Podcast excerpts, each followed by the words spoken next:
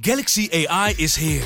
Open deze magische wereld met de nieuwe Galaxy S24-series. Omcirkel, zoek en vind het. Bijvoorbeeld die dikke sneaker op Insta. Of omcirkel een foto van een gerecht en vind meteen het recept. Op zoek naar wat liefde over de grens? Met ChatAssist als tolk is jouw liefde grenzeloos.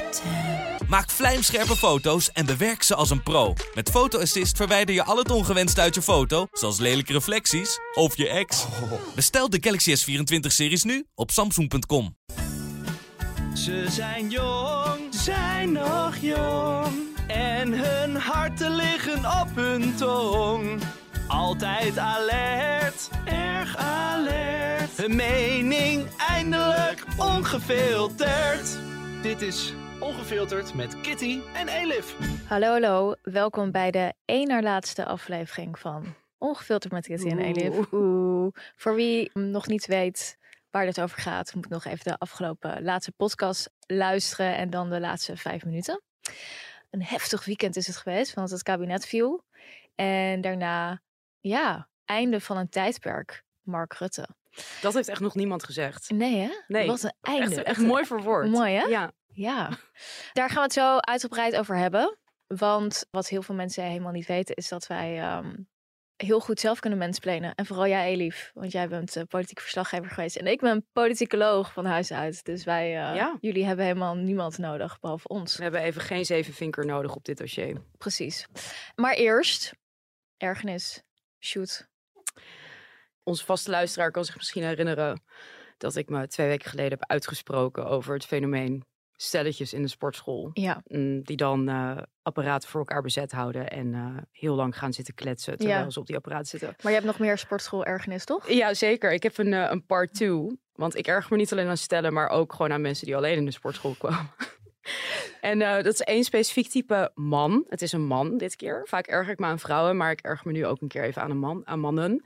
Dat zijn mannen die als ze hebben gezien dat je ze hebt gezien, dus niet dat je naar ze kijkt. Dus het is niet van, hè, ik kom daar niet om zeg maar lekkere mannen te observeren of zo, maar dat vinden ze dan van zichzelf wel, snap je? Mhm, mhm. Snap je de, de setting? En het Ja. zijn ook vaak dus niet lekkere mannen die het doen. Die zitten dan op zo'n apparaat. En dan gaan ze dus heel overdreven lopen kreunen. En dan heel erg hun hoofd vertrekken. Terwijl ze dus aan de gewichten hangen. En dat vind ik zo onwijs onaantrekkelijk. Maar jij, jij, jij denkt dat ze dat doen om aandacht te vragen? ja, dan zit het zo zo... Weet je wel? Ja, maar... Maar Kan ook niet met dat geluid erbij. maar hè? kan, dat Dus, niet, kan dat niet oprechte inspanning zijn? nou, heb jij ooit oprechte behoefte gevoeld als je aan het gewicht heffen bent om dat geluid te maken? Kijk, ik heb heel lang getennist, hè? Ja. En er wordt ook altijd gezegd, oh, je moet Serena Williams, weet je, of Venus Williams, ik weet niet welke dat is, maar degene die altijd aan het kreunen is. ja. En toen probeerde ik dat en ik dat, het haalt gewoon, althans bij mij, haalt het helemaal niks uit. Het is gewoon fucking aandachttrekkerij. Ja, het En is het moet net als hard niezen. Ja, ja, het is van dezelfde orde. Ja. Dus van, kijk mij inspannen. Urgh! En dan ook met zo'n kop erbij. Soms zie je die aders ook poppen. Dan denk ik, oké, dat is dus blijkbaar wel echt inspanning. Want dat kan je denk ik niet faken, dat je die aders in je nek ziet. Ja. Maar ja, en heel vaak is het dan zo. Dan ga ik dus na diegene op hetzelfde apparaat. Dan staat hij helemaal niet zo hoog. Oh, dat is En denk ik echt, dit kan ik ook. Ja, ik doe soms, eh, of dat deed ik vroeger, dan deed ik hem op meer gewichten als ik ging. Weet je dat nooit? Nee. Dat, vind ik echt te heel leuk dat je dat doet. Dat vind ik namelijk echt iets voor mannen om te doen. Maar jij. Want hoeveel doe je hem dan? Hoeveel meer? Ja, gewoon één of twee meer. Omdat ik dan echt zo van, dan, dan... Dat ik echt Ook omdat ik dan gênant vind dat mensen zien inderdaad, oké, nou ik maak dan geen geluid in de sportschool, maar dat mensen wel hebben gezien dat ik me bijvoorbeeld heel erg aan het inspannen was en dat ze dan zien dat ik echt een 4,5 kilo omhoog heb geduwd. Met twee armen. Heel erg chill. Ja. Heel leuk. Maar ehm, jij hebt me dit weekend... Oh, wacht. Nee, sorry. Ik wil nog even één ding zeggen. Ja. Want we hebben weer geïnfluenced. Dat ging ook over die sportschool ergernis. Ik kreeg een eh, appje van onze number one fan, Dirk. Die hebben we wel vaker genoemd hier. En die, die eh, schreef naar mij... POV, je maakt een podcast met veel impact. Vrouw van nummer één fan durft niet meer mee naar de sportschool. Zelfs niet voor een proefles. Heel goed. Goed, hè? Heel goed. Ja, Heerlijk. ja. Nog iets. We hadden het toch eh, laatst over het woord ongefilterd wat opeens overal opduikt. Oh ja, Nou, ik let er mhm. niet eens op. En ik sloeg dus het blad op van open van Villa Media. Dus Villa Media Magazine, dat is van het blad van de NVJ. Ja. Wat zie ik daar? Tot twee keer toe Eén keer in een interview met uh, Stephanie Hogeberg, die ook een keer het gast was, schrijft Marcos erop. Ze kijkt en registreert. Als je niet oplet, bent ze alles ongefilterd op. In hetzelfde nummer als kop met de tekst van Nick Kivits. Rauw, ongefilterd en van dichtbij. Ja. En nu, een paar dagen terug, de podcast van Johan Frets. Rutte stapt op, nu echt, geen grap. Johan geeft zijn ongefilterde hot take. Het is echt beyond. Iedereen gebruikt het opeens.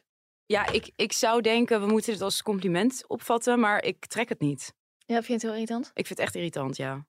Ik vind eigenlijk dat iedereen gewoon ons moet verwijzen elke keer als ze dit doen. Ja, ik vind het wel mooi dat het echt onderdeel gewoon geworden is gewoon van het een, vocabulaire. En dat er zelfs in een journalistiek blad een woord dat niet bestaat, opeens bestaat. Ja, maar ook niet in twijfel wordt getrokken. Nee in een journalistiek blad. Ja, dat is echt, uh, ja. Dus, dus, eigenlijk is het een heel groot compliment. Ik ga proberen me eroverheen te zetten. maar um, ik storm er ook elke keer aan. Jij ziet het ook steeds, ik niet. Jij, ik moet het elke keer van jou horen, zeg maar. Ik word elke keer Ja, en ik let niet eens op. Het komt gewoon tot me. Het komt gewoon naar je toe, ja. ja. Maar goed, ik wilde dus zeggen, jij hebt mij dit weekend met een heel tragisch verhaal, een heel dramatisch verhaal. Nou, ik, ik, dacht van, dit is een ergernis. En soms deel ik die al van tevoren met jou, omdat ik dan anders bang ben dat ik hem vergeet. En ik wil hem op een moment goed vastleggen. Ja. Mijn ergernis is het OV. Het OV in het algemeen. Maar ik had afgelopen vrijdag, ik denk al heel lang, erger ik me aan het OV. Ik heb eigenlijk geen zin meer om met het OV te gaan. Maar helaas, ik ben veroordeeld het OV, want ik heb geen rijbewijs en geen auto. Ja. En afgelopen weekend was echt het toppunt. Dus ik ging vrijdag ging naar Den Haag, ik ging naar een vriendin. En toen dacht ik nog van, oké, niet te laat weggaan, want vrijdagavond mayhem in de trein. Dus ik was op zich niet te laat weggegaan, maar misschien toch net iets te ja, laat. er was ook een storm of zo, toch? Of, oh nee, dat was het Nee, dat was die twee dagen daarvoor. Ja, maar dat ettert dan altijd nog even na. Dus ja, is dat zo? Ja, met het OV wel, ja. Oké, nou goed. In ieder geval, ik was dus um, vrijdag, ik ging denk ik rond tien uur bij haar weg. En, en ik had om half elf de trein. Nou, dus niet super laat, toch? Nee. Ik kwam binnen.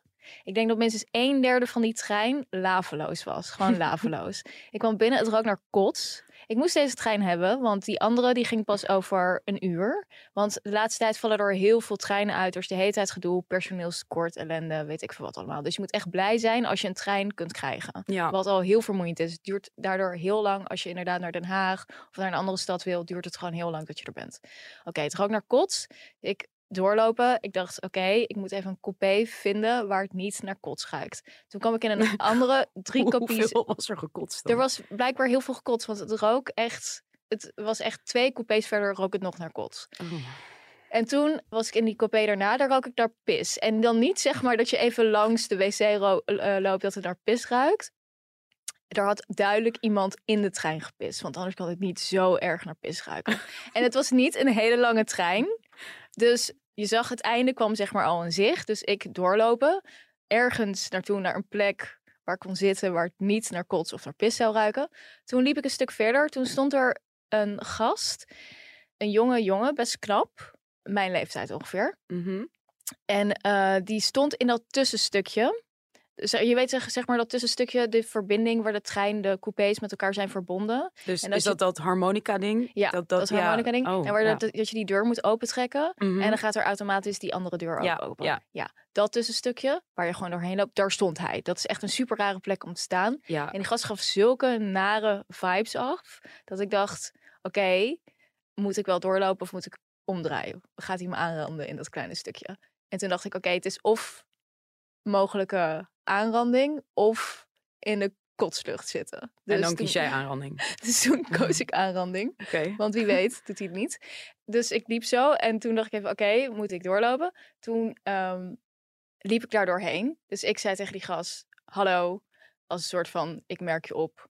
Ik weet niet waarom je dat dan doet. Dat doe je dan op zo'n moment.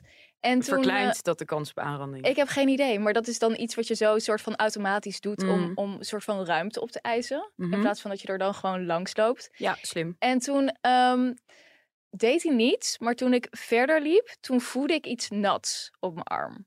Dus toen keek ik achterom en toen keek ik naar hem, een soort van boos. En toen keek ik naar mijn arm, ik zag niks. Maar ik voelde dus dat het nat was. En toen dacht ik heel even, heeft hij zijn fucking lul tegen mijn arm gedaan? Serieus, dat moest ik denken. Op vrijdagavond in de trein. toen liep ik door. Toen dacht ik, nou, dat kan, het, dat kan niet zijn, want het was te hoog. Toen dacht ik, wat kan het dan zijn? Het had niet geregend. Ik had geen idee. Het was in Maar ieder was geval... het heel nat of, of plakkerig nat? Ja, het was gewoon zo een beetje nat. Mijn arm was Moist. een beetje nat. Moist. Zat er ook iets op? Iets glanzends? Nee, ik heb er dus aan geroken omdat ik bang was dat het pis was. Serieus? En toen, Oh, dit zou ik echt... en toen was het, volgens mij was het water. Ik weet niet. Maar hij raakte me in ieder geval heel even aan. Was dat niet zijn hand? En dat, dat die- Kan. Of het kan zijn jas zijn, dat zijn jas nat, was, dat ik er per ongeluk tegenaan kwam. Kan allemaal. Ik kan niet geloven dat je aan hebt geroken. Ja, maar Dat dan ik had ik sick. geweten of het, of het- pis was. Of ik pis op mijn arm had. En als dat was geweest, wat had je Dan dan had gedaan? ik het moeten wassen. Halen we niet. maar goed, uiteindelijk, ergens aan het einde van die trein, was er een plek. Het was alsnog verschrikkelijk. Allemaal mensen die dronken waren. Toen ging ik zitten en toen eh, ging ik een podcast luisteren. En toen uiteindelijk, dit is een heel lang verhaal, ja, sorry. Maakt maar niet het uit. was, het was, Neem, neem, je, neem je ruimte in. Neem je tijd. En toen op een gegeven moment hoorde ik echt heel hard geschil. Dus ik dacht, oké, gewoon negeren. gewoon doen alsof dit niet gebeurt. En toen bleef het maar doorgaan. En op een gegeven moment zag ik allemaal mensen uit een andere coupé, zeg maar, door onze coupé gaan heel snel. Dus toen deed ik mijn oortjes uit. En toen hoorde ik dus eh, ja, hard geschil. Een soort van, no police, no, no. Dus ik dacht, ik weet niet, wordt er iemand neergestoken? wat gebeurt hier? Eh, nou, wat bleek, want er gingen een paar andere nieuwsgierige mensen die niet dronken waren, gingen kijken. En ik kwam daarna terug met het verhaal. Maar het was echt even paniek, zeg maar, bij mensen in de trein. Niet bij mij, want ik had lang genoeg mijn oortjes in om het niet mee te krijgen. Ja. Maar iemand had dus geprobeerd om iemand te beroven. Dat was niet gelukt, diegene had het door. En diegene ging dus schreeuwen. En die persoon die was dus snel weggerend. Ik vermoed dus dat dat die gas was. Die van het harmonica stukje. Ja, want waarom zou je daar gaan staan? zeg Ja. maar? Toch? Maar ik snap ook niet waarom je daar zou staan als je iemand zou gaan beroven. Want Ja, dan doe je dat dan als iemand langs je loopt. Of... Ik heb geen idee. Misschien, misschien En die gast was weg, die je dus zag. Die knappe. of hij weg. Blijft heel erg bij me hangen dat je zei dat die knap was. Ja, het zegt wel iets over mijn mannensmaak. Ja. ja, red flag. Wel Ehm, een beetje, ja. dat natte ding tegen je arm is op zich ook wel een red flag. Ja, ik heb hem mijn telefoonnummer gegeven. en ehm, ja, goed, die gast was dus, die wilde geen politie, die bijna was beroofd, wilde geen politie erbij. Ik denk dat hij illegaal was in Nederland. Dat hij daardoor geen politie erbij wilde. Maar goed, er was dus paniek in de trein. Vervolgens dacht ik, oké, nou, whatever. Dus toen deed ik mijn oortjes weer in. Toen was er dus iets mis met de trein, waardoor hij zo langzaam moest rijden dat hij achter een stoptrein zat. eh, Mhm. uiteindelijk, waardoor hij nog langzamer moest rijden. En toen was ik dus uiteindelijk te laat om de laatste tram naar huis te hebben. Ja, dit eindigt niet. Dit eindigt niet. Toen probeerde ik een taxi te krijgen. Was onmogelijk. Was onmogelijk om een taxi te krijgen. Toen moest ik dus met de nachtbus. Waarom Ehm, was het te druk? Ik kon gewoon geen Uber krijgen. Alles werd gewoon geannuleerd. Oh, wat ja. apart. Ja. Dat heb ik nog Ja. nooit gehad. Ja, het was echt een ramp. Het was echt een ramp. En toen eh, moest ik dus de nachtbus nemen. En daar moest ik een half uur op wachten. Een half uur. Op een supergaar station. Met echt hele dodgy mensen. En toen eh, was ik uiteindelijk dus om eh, kwart voor twee thuis.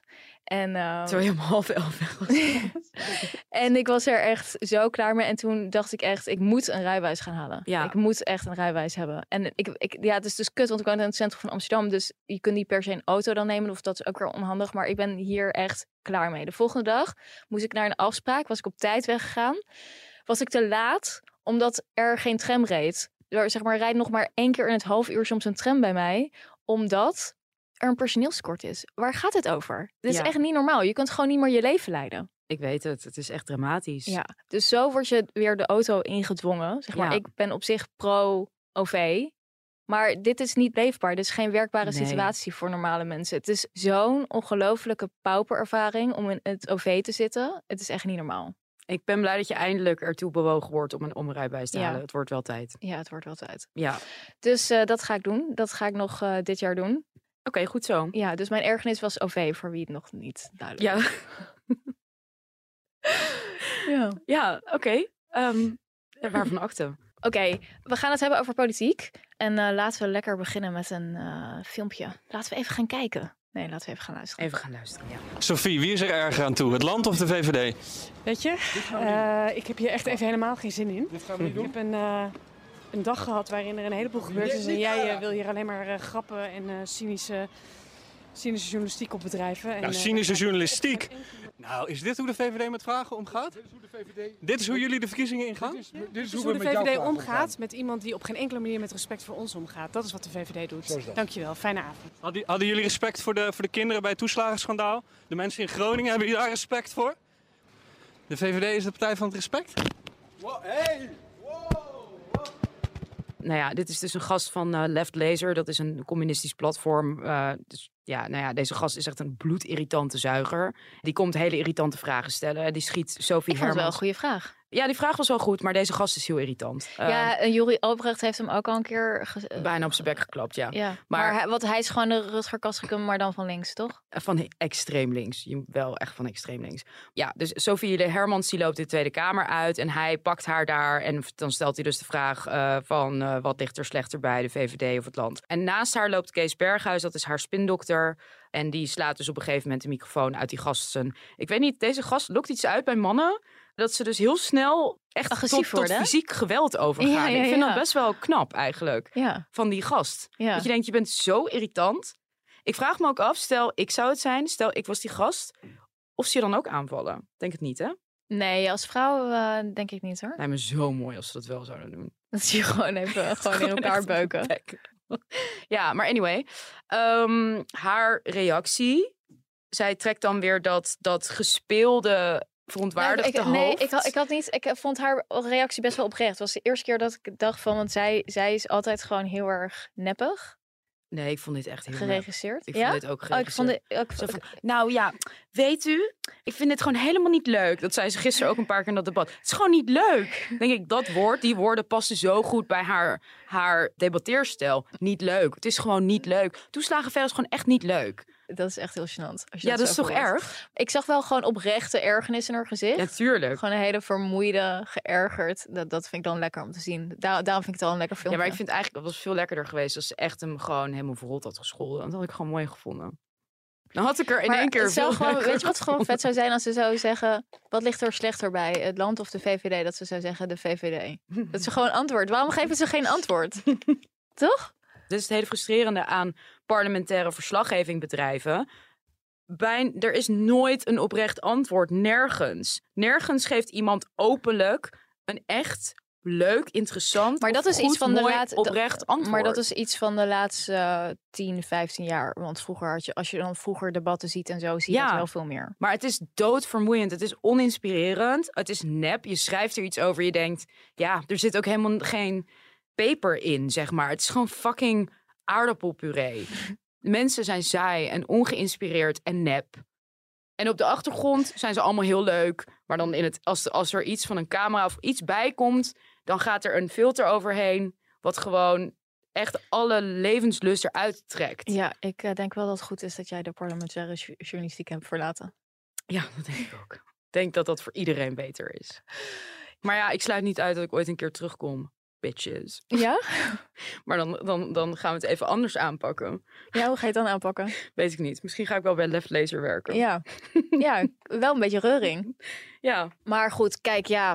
Ik vind het ook raar dat zo'n man dan zoveel woede uitlokt. Terwijl de enige die echt woede uit zou moeten lokken is Jair Ferreira. en die krijgt nooit een klap.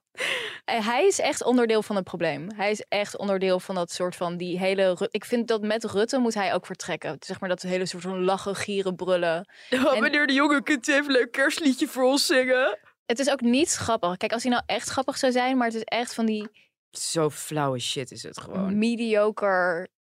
Minder dan mediocre. Minder. Nee, het is echt heel flauw. Het is echt flauw. super flauw. En hij is ook echt best wel oud, hè?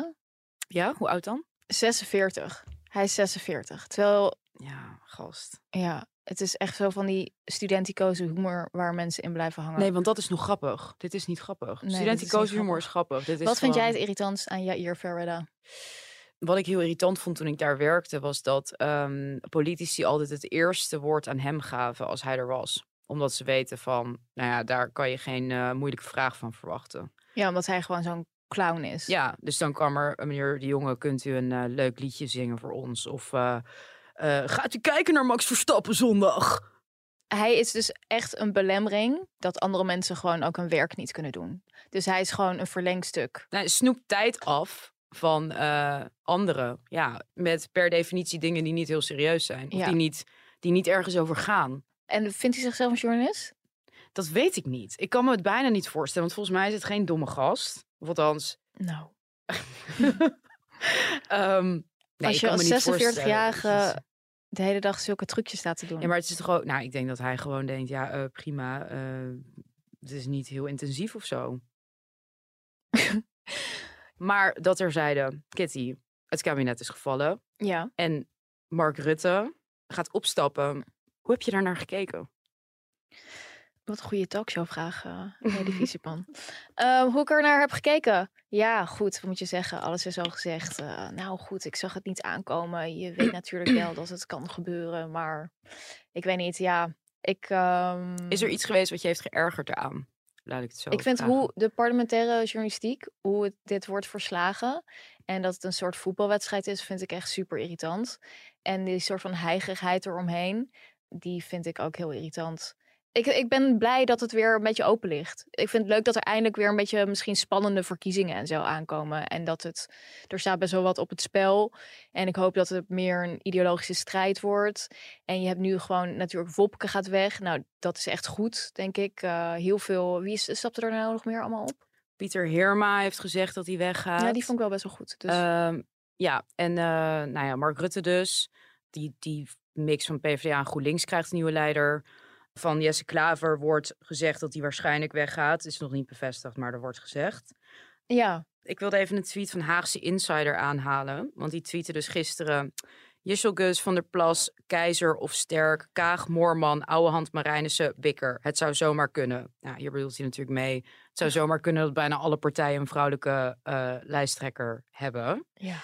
Deze man heeft altijd echt eh, inside info, hè? Ja, ja, ja, dat is ook niet eh, uit de lucht gegrepen Nee. dit. Maar goed, zoals hij zegt, het zou zomaar kunnen. Nou, Wij als feministen, wat vinden wij daarvan? een vrouw. Een vrouw aan het roer. Nee, vrouwen overal aan het roer. Eh, ja, ik vind het wel leuk. Ja, ik vind ook zo'n Caroline van der Plas, ja, dat lijkt mij hilarisch. Als de premier wordt. Ja. Ja, dat kan ook echt alleen hier. Dat is echt zo, hè? Nee, dat kan niet alleen. Jawel, dat kan wel alleen hier. Waar kan het nog meer? Wat bedoel je? Zo'n persoon als pre- premier. Wat bedoel je met zo'n persoon, Elif? nou, zo'n ehm, volkspersoon.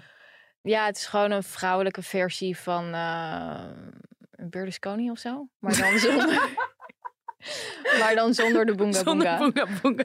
Dat, dat defini- en zonder media imperium. Maar Ja. dat definieerde hem wel echt. Zijn sex drive. Ja, maar hij, was wel- ook, hij wordt ook gewoon gezien. Of ehm, eh, hoe heette die andere daarna? Matteo. Salvini? Ja, dat was ook zo'n man van het volk, toch?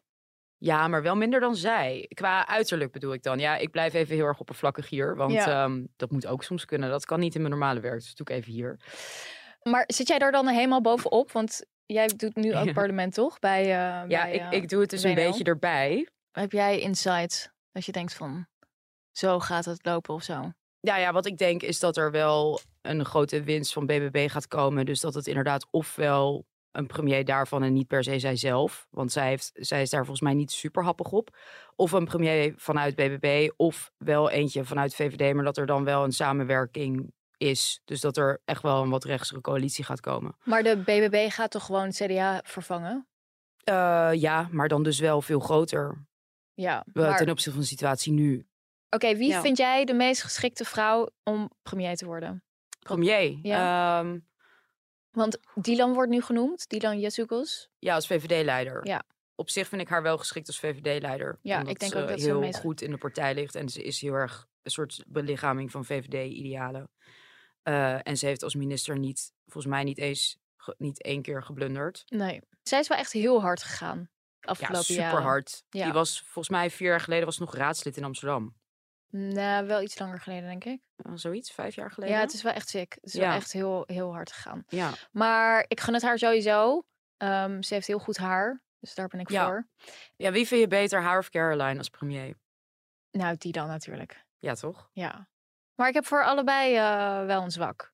Ik wil wel meer van dat soort politiek eigenlijk zien. Ik vind haar wel echt oprecht. Ik wil, hoop alleen dat ze zichzelf handhaaft en dat ze dus niet te veel meegaat in bepaalde delen van haar achterban. Dus Mhm. ik vind bijvoorbeeld toen Zelensky hier in Nederland was en dan gaat ze daar heel kritisch over zijn, dan heb ik het idee dat ze een bepaald deel van haar achterban probeert te pleasen. En ik hoop juist op heel veel mensen die de rechterkant wat goed, beter bewaken. Dus zeg maar niet die grens overgaan van Ja, complotachtig denken of eh, weet je, die het gewoon een beetje dat dat doet de VVD natuurlijk wel goed. ja. Dat ze niet die grens overgaan naar gewoon achterlijke shit à la Forum voor Democratie of eh, nou ja. Maar denk je dat zij daartoe in staat is, intellectueel gezien, om die, die Ik denk grens dat te zij wel gewoon ehm, als mens wel gewoon intuïtief een hele goede basis heeft. Ik denk dat ze ideologisch niet extreem breed ontwikkeld is. Maar ja, ze heeft ook geen Ja. politieke achtergrond verder. Maar ik, heb, ik zie bij haar wel een soort van nieuwsgierigheid en interesse om dat te ontwikkelen. En ik vind het heel eerlijk dat ze zegt eh, over bepaalde dingen hebben wij nog geen standpunt. Dat vind ik Mhm. gewoon eerlijk. En ik denk de manier waarop zij doet en praat, dat dat heel veel mensen aanspreekt. Net zoals dat heel veel mensen a- zich aangesproken voelen door Pieter Omzicht. Ik snap ook wel heel goed dat zij, want zij aast op hem, hè, op Pieter Omzicht. Ja. Ze wil hem heel graag Ja. in de partij. Ik snap, ik, dat snap ik heel goed. Ja. Ik kan me niet voorstellen dat het echt een goede combinatie nee, is. volgens mij is dat ideologisch en eh, ik denk ook wel intellectueel onverenigbaar. Ja, elkaar. want, eh, want eh, Pieter is wel heel uitgekristalliseerd, ideologisch gezien. En ik denk, ja, het zou verrassend zijn. Het lijkt me best wel interessant. Maar ik denk niet dat. eh, waar, waar denk je dat het zou stuk lopen met die twee? Ik denk op het niet kunnen samenwerken met elkaar. Ik denk dat Pieter moeilijk kan samenwerken met mensen die hij minder intelligent acht dan zichzelf. En dat is eh 99,9999% van de bevolking. Dus dat is geen belediging naar haar, want dat is echt bijna niemand zit op zijn golflengte, om het even zo te zeggen. Ja, ik hoop wel echt dat Pieter Omzicht een eh, partij begint. Ik denk dat dat echt heel goed zou zijn. Ja, ik vermoed dus dat hij daar wel mee bezig is. Omdat hij dus al heeft gezegd van ik weet nog niet wat ik ga doen. Dus ik denk dat hij wel iets aan het proberen is op te bouwen. Spannend. Ik ben heel erg benieuwd over wie er dan op de lijst staat. Ja, ja dat is natuurlijk ook wel cruciaal. Dus nu Rutte weg is, voel je op dat vlak wel gewoon meer ademruimte. Ja. Maar ja, ik, ik hoop gewoon dat, dat er gewoon weer een beetje serieuze ideologische strijd en zo komt. Dat partijen zichzelf wat op een normalere manier gaan vormgeven. Ja, En ik hoop heel erg dat Frans Timmermans niet de verkiezingen wint. ja dat ehm, is echt... ehm, Maar de PvdA, wie hebben, heeft de PvdA een huis waarvan je denkt, nou, Nou, jij had een hele leuke tweet, die wilde ik even aanhalen over eh Marjolein Moorman. Die natuurlijk ook steeds wordt genoemd als mogelijke eh, leider van het groen-rode blok. oh ja, Wil je zelf je tweet voorlezen of ik nee, lees jij maar lekker mijn Ja, tweet Dat voor. is leuk. Dus eh, Marjolein Moorman, die tweette over het vertrek van Rutte. Einde van een tijdperk. Rutte heeft de enige juiste keuze gemaakt. We mogen hem dankbaar zijn voor zijn jarenlange inzet voor ons land. Maar nu is het echt tijd voor verandering. En toen quote tweette jij dat. Nee, maar even, even. Al haar tweets zijn dit soort zaaddodende letters achter elkaar. Het is echt niet normaal. Dit wordt, deze vrouw wordt, oké, dat, dat ga ik zo meteen de tweet wordt gezien als een hoop van links. Ja. Maar serieus? Oké, ik hoef je tweet niet meer voor te lezen. Nee, wacht. Je, wacht. je bent al aan het Haar ranten. tweets, haar Ja. tweets zijn echt dingen als dit. Rutte heeft zijn kabinet opgeblazen. Laat dit maar meteen het einde zijn van een tijdperk. Laat vandaag de hoop beginnen, want dat verdient ons mooie land. Hoop, van wie zou ze dat woord hebben gejat? Ja, Ik vind dat zo'n goed woord. ja. Van wie heeft ze dat gejat? Mooi hè? Mooi hè? Deze mensen zijn echt, echt in... Wanneer wordt Obama verkozen? 2008. Ja, daar zijn ze echt in blijven hangen. Ja. Zij, zij zit echt helemaal in die Obama-vibe. Maar Ja. goed, wat ik dus had getweet. Nu moet ik dus mijn eigen tweet gaan voorlezen. Heel ijdel. Nou, dat is ook gewoon beter. Doe maar. Veel mensen denken dat Marjolein Moorman de hoop van links is. Maar keer op keer blijkt ze toch vooral een sleetse chat-GPT-bot. Ja, dat is zo. Ja, het is echt chat. Het is echt, de keizer heeft geen kleren aan bij deze vrouw. Ze wordt overal binnengehaald als een soort van... Oh, maar ken je Marjolein Moorman? Dat is echt, nou, die gaat het doen. Denk ik echt... Ik heb nog nooit iets gehoord uit de, de mond van die vrouw... wat serieus een beetje ideologisch onderlegd en intelligent klonk. Ze praat alleen maar in van die vage Jezus-taal. Hoop, verbinding, zus, zo. En ze denkt echt dat ze super slim overkomt. Ze komt echt helemaal niet slim over. Ik was dus laatst bij ehm, dat ding van Sander Schimmelpenninck. Hij had toch zo'n boekje geschreven Ja. voor de correspondent. En dan ging hij in gesprek met een paar mensen. Nou, een paar mensen waren interessant. Maar er zat ook dus die Marjolein Moorman, geloof ik, drie kwartier lang te blaten. Was zo oninteressant. Niet normaal. Oké, nou die is bij deze gefileerd. Ehm, Oké, we hebben een hatefluencer.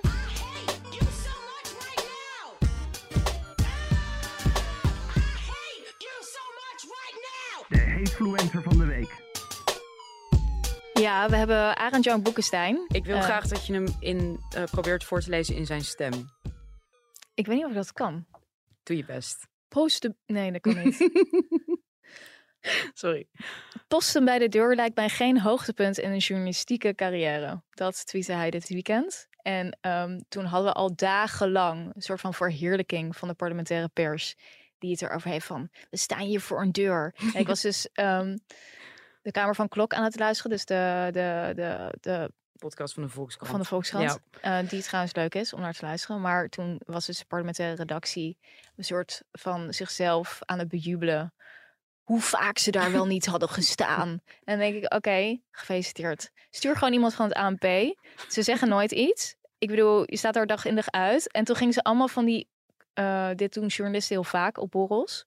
Van die opa vertelt Ja, anekdotes. ja, ja, ja. Een soort van, vroeger, vroeger, toen ging ik, eh, nou, dan ging je erop uit. En dan ging je daar naartoe, dan ging je daar naartoe. En dan eh, belde je je stukje door. En dan, eh, ja, dan hoop En je zat, dat het... zat er een typiste, die moest het dan helemaal uittikken. Ja, zo ging dat vroeger. Dan had je geen, geen, geen ruimte om, met, om het woorden aan te overheen. Moest gewoon precies passen. Jullie hebben tegenwoordig echt heel makkelijk. Ja, nou dit, dit, dit zijn op zich prima anekdotes om één keer te horen. Maar altijd als je met journalisten van de oude stempel afspreekt. Of in borrels of wat dan ook. Ja. Krijg je dit soort verhalen. Dat je ook denkt, oké, oké, we weten het, we weten het. Je bent oud, we weten het. Ja. ja. Ehm, Nora Ephron heeft zo'n zin in een boek. En die heeft dus, s- beschrijft ze, ik was nog niet zo oud dat ik alleen nog maar in anekdotes praatte. En toen dacht ik, oh my god, dat is echt precies wat oude mensen doen. Ja. Gewoon, die, kunnen, die zet je gewoon aan. Boomer FM, noemt Ja. iemand dit, die ik ken. En het houdt gewoon niet meer op. Het houdt gewoon niet meer op. Maar goed, oké. Deze mensen waren vrij jong. En toch gingen ze eh, van die opa vertelt verhalen van... Nou, een keer stonden we daar. Nou, dat was nog in de balken en de tijd. En toen eh, gingen we... Het duurde zo lang. En toen gingen we voetballen. En eh, nou, toen op een gegeven moment werd ons bal afgepakt. en ik dacht, ja, het klinkt ook echt alsof je een fucking kleuter bent. Echt, grow up. En toen kwam Balkenende naar buiten. En toen vroegen wij als eerste, mag ik mijn bal terug? Dus je echt denkt, wat ben jij voor fucking goofball? Niet normaal. Zo knap. Het is zo... Luister, Ja. ik, ik, ik doe niks voor heavens qua journalistiek momenteel. Maar Ja, weinig Zij journalistiek is ook verheffend. ook niet. Even. En ze doen alsof ze echt rocket science aan het beoefenen zijn. Nou, weet je wat het erg is aan dit fenomeen? Want ik heb me hier natuurlijk heel vaak... eh, eh, Ja, jij eh, stond hier ooit tussen. Dit fenomeen ook best wel vaak met de grond gelijk gemaakt. Ehm, is dat iedereen erkent dat het debiel is. Eh, ja, zeg maar, maar er is kan niemand... jij even beter uitleggen wat er debiel aan is. Hey meisjes, zal ik het eens even goed uitleggen? Het is tijd voor de mensplaner. Ja, dit is een unicum. Ik heb altijd al mansplainer willen zijn. Een vijfvinker. Je, je hebt de stem ervoor. Go for it. Dankjewel. Ja, dank je. Hoor ik vaker. Oké, weet je wat het is met het fenomeen? Dus iedereen staat daar, iedereen vindt het even kut om daar te staan. Dat, daar geloof ik heilig in. Niemand vindt het leuk, het duurt heel erg lang. Je weet dat er waarschijnlijk niks boeiends gezegd wordt. En als er iets boeiends gezegd wordt, zoals dat het kabinet valt, dat is dan één keer echt in een blue moon dat er iets boeiends gebeurt. Maar het is natuurlijk heel vaak zo dat die mensen daar collectief moeten gaan staan voor allerlei wissewasjes. Iedereen vindt het even kut.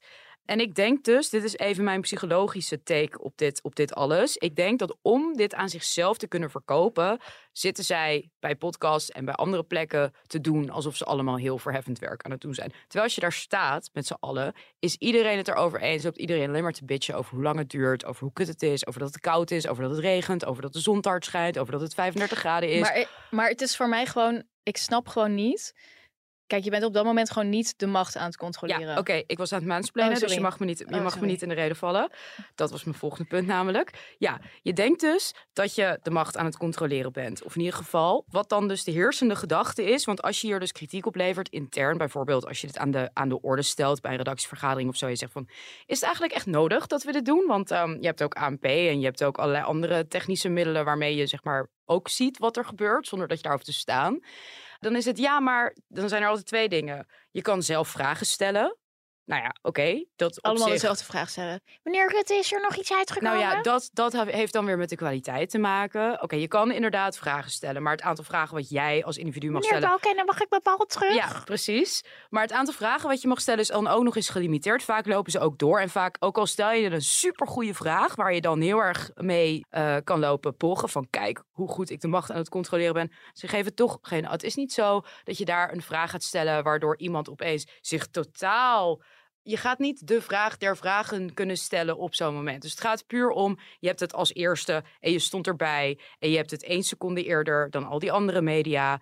En nou ja, et cetera. Dat, dat is de soort van. Er zit een soort idee fix in van we moeten altijd als eerste alles brengen. Terwijl in dit tijdperk maakt het niet uit. Want Twitter bestaat, allerlei social media kanalen bestaan. Het maakt geen zak uit. Je gaat geen cent meer verdienen door het eerder te hebben dan iemand anders. Maar het is eerder is twee seconden eerder, ja, toch? Ja. ja, zoiets, maximaal. En dus moeten daar tien mensen staan die dan... eh, 40 in, in het ergste geval. 40 er staan mensen. echt heel veel mensen daar.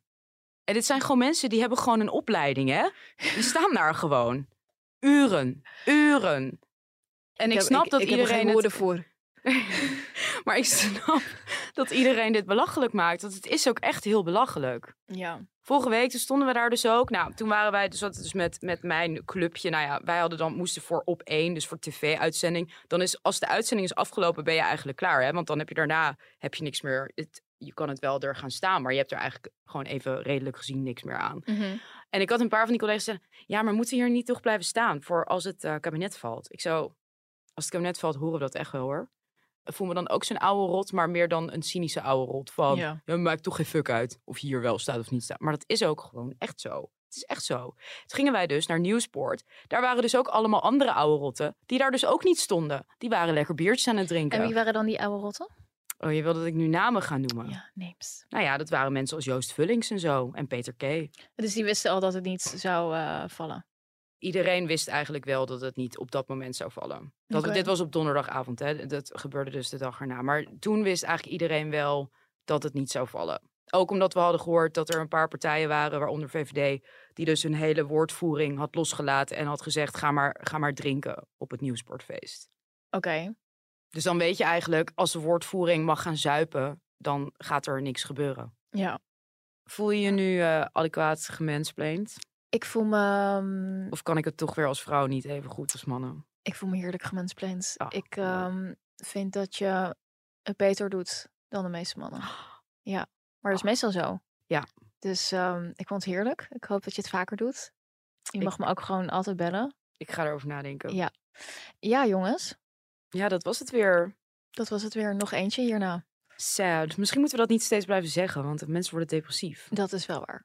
Maar nog steeds, we gaan eh, proberen om een doorstart te maken. Maar Ja. eh, dat gaan we jullie allemaal nog laten weten. Trouwens, wat we niet vaak genoeg promoten is dat we ook een Instagram hebben. En daar gaan we jullie helemaal op de hoogte houden van eh, wat we gaan doen. Al onze avonturen. Al onze avonturen. En daar gaan we onze foto's posten van het zomernummer. Dat zometeen uitkomt met allemaal foto's van ons.